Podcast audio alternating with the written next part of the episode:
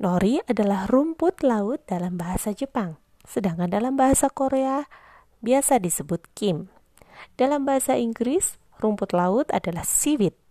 Namun, karena nori atau rumput laut jenis nori ini identik sekali dengan sushi, maka banyak orang menyebutnya dengan nori.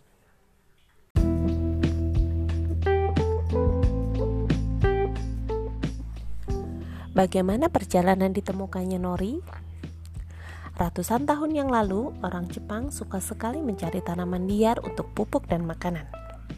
Pada masa Edo di Jepang, ditemukanlah tanaman laut yang enak dan tumbuh melimpah di dekat teluk dan sungai yang menyambung ke laut. Kemudian, rumput laut itu disebut Asakusa nori. Nama ini mengacu pada tempat sepanjang sungai di mana nori sering ditemukan.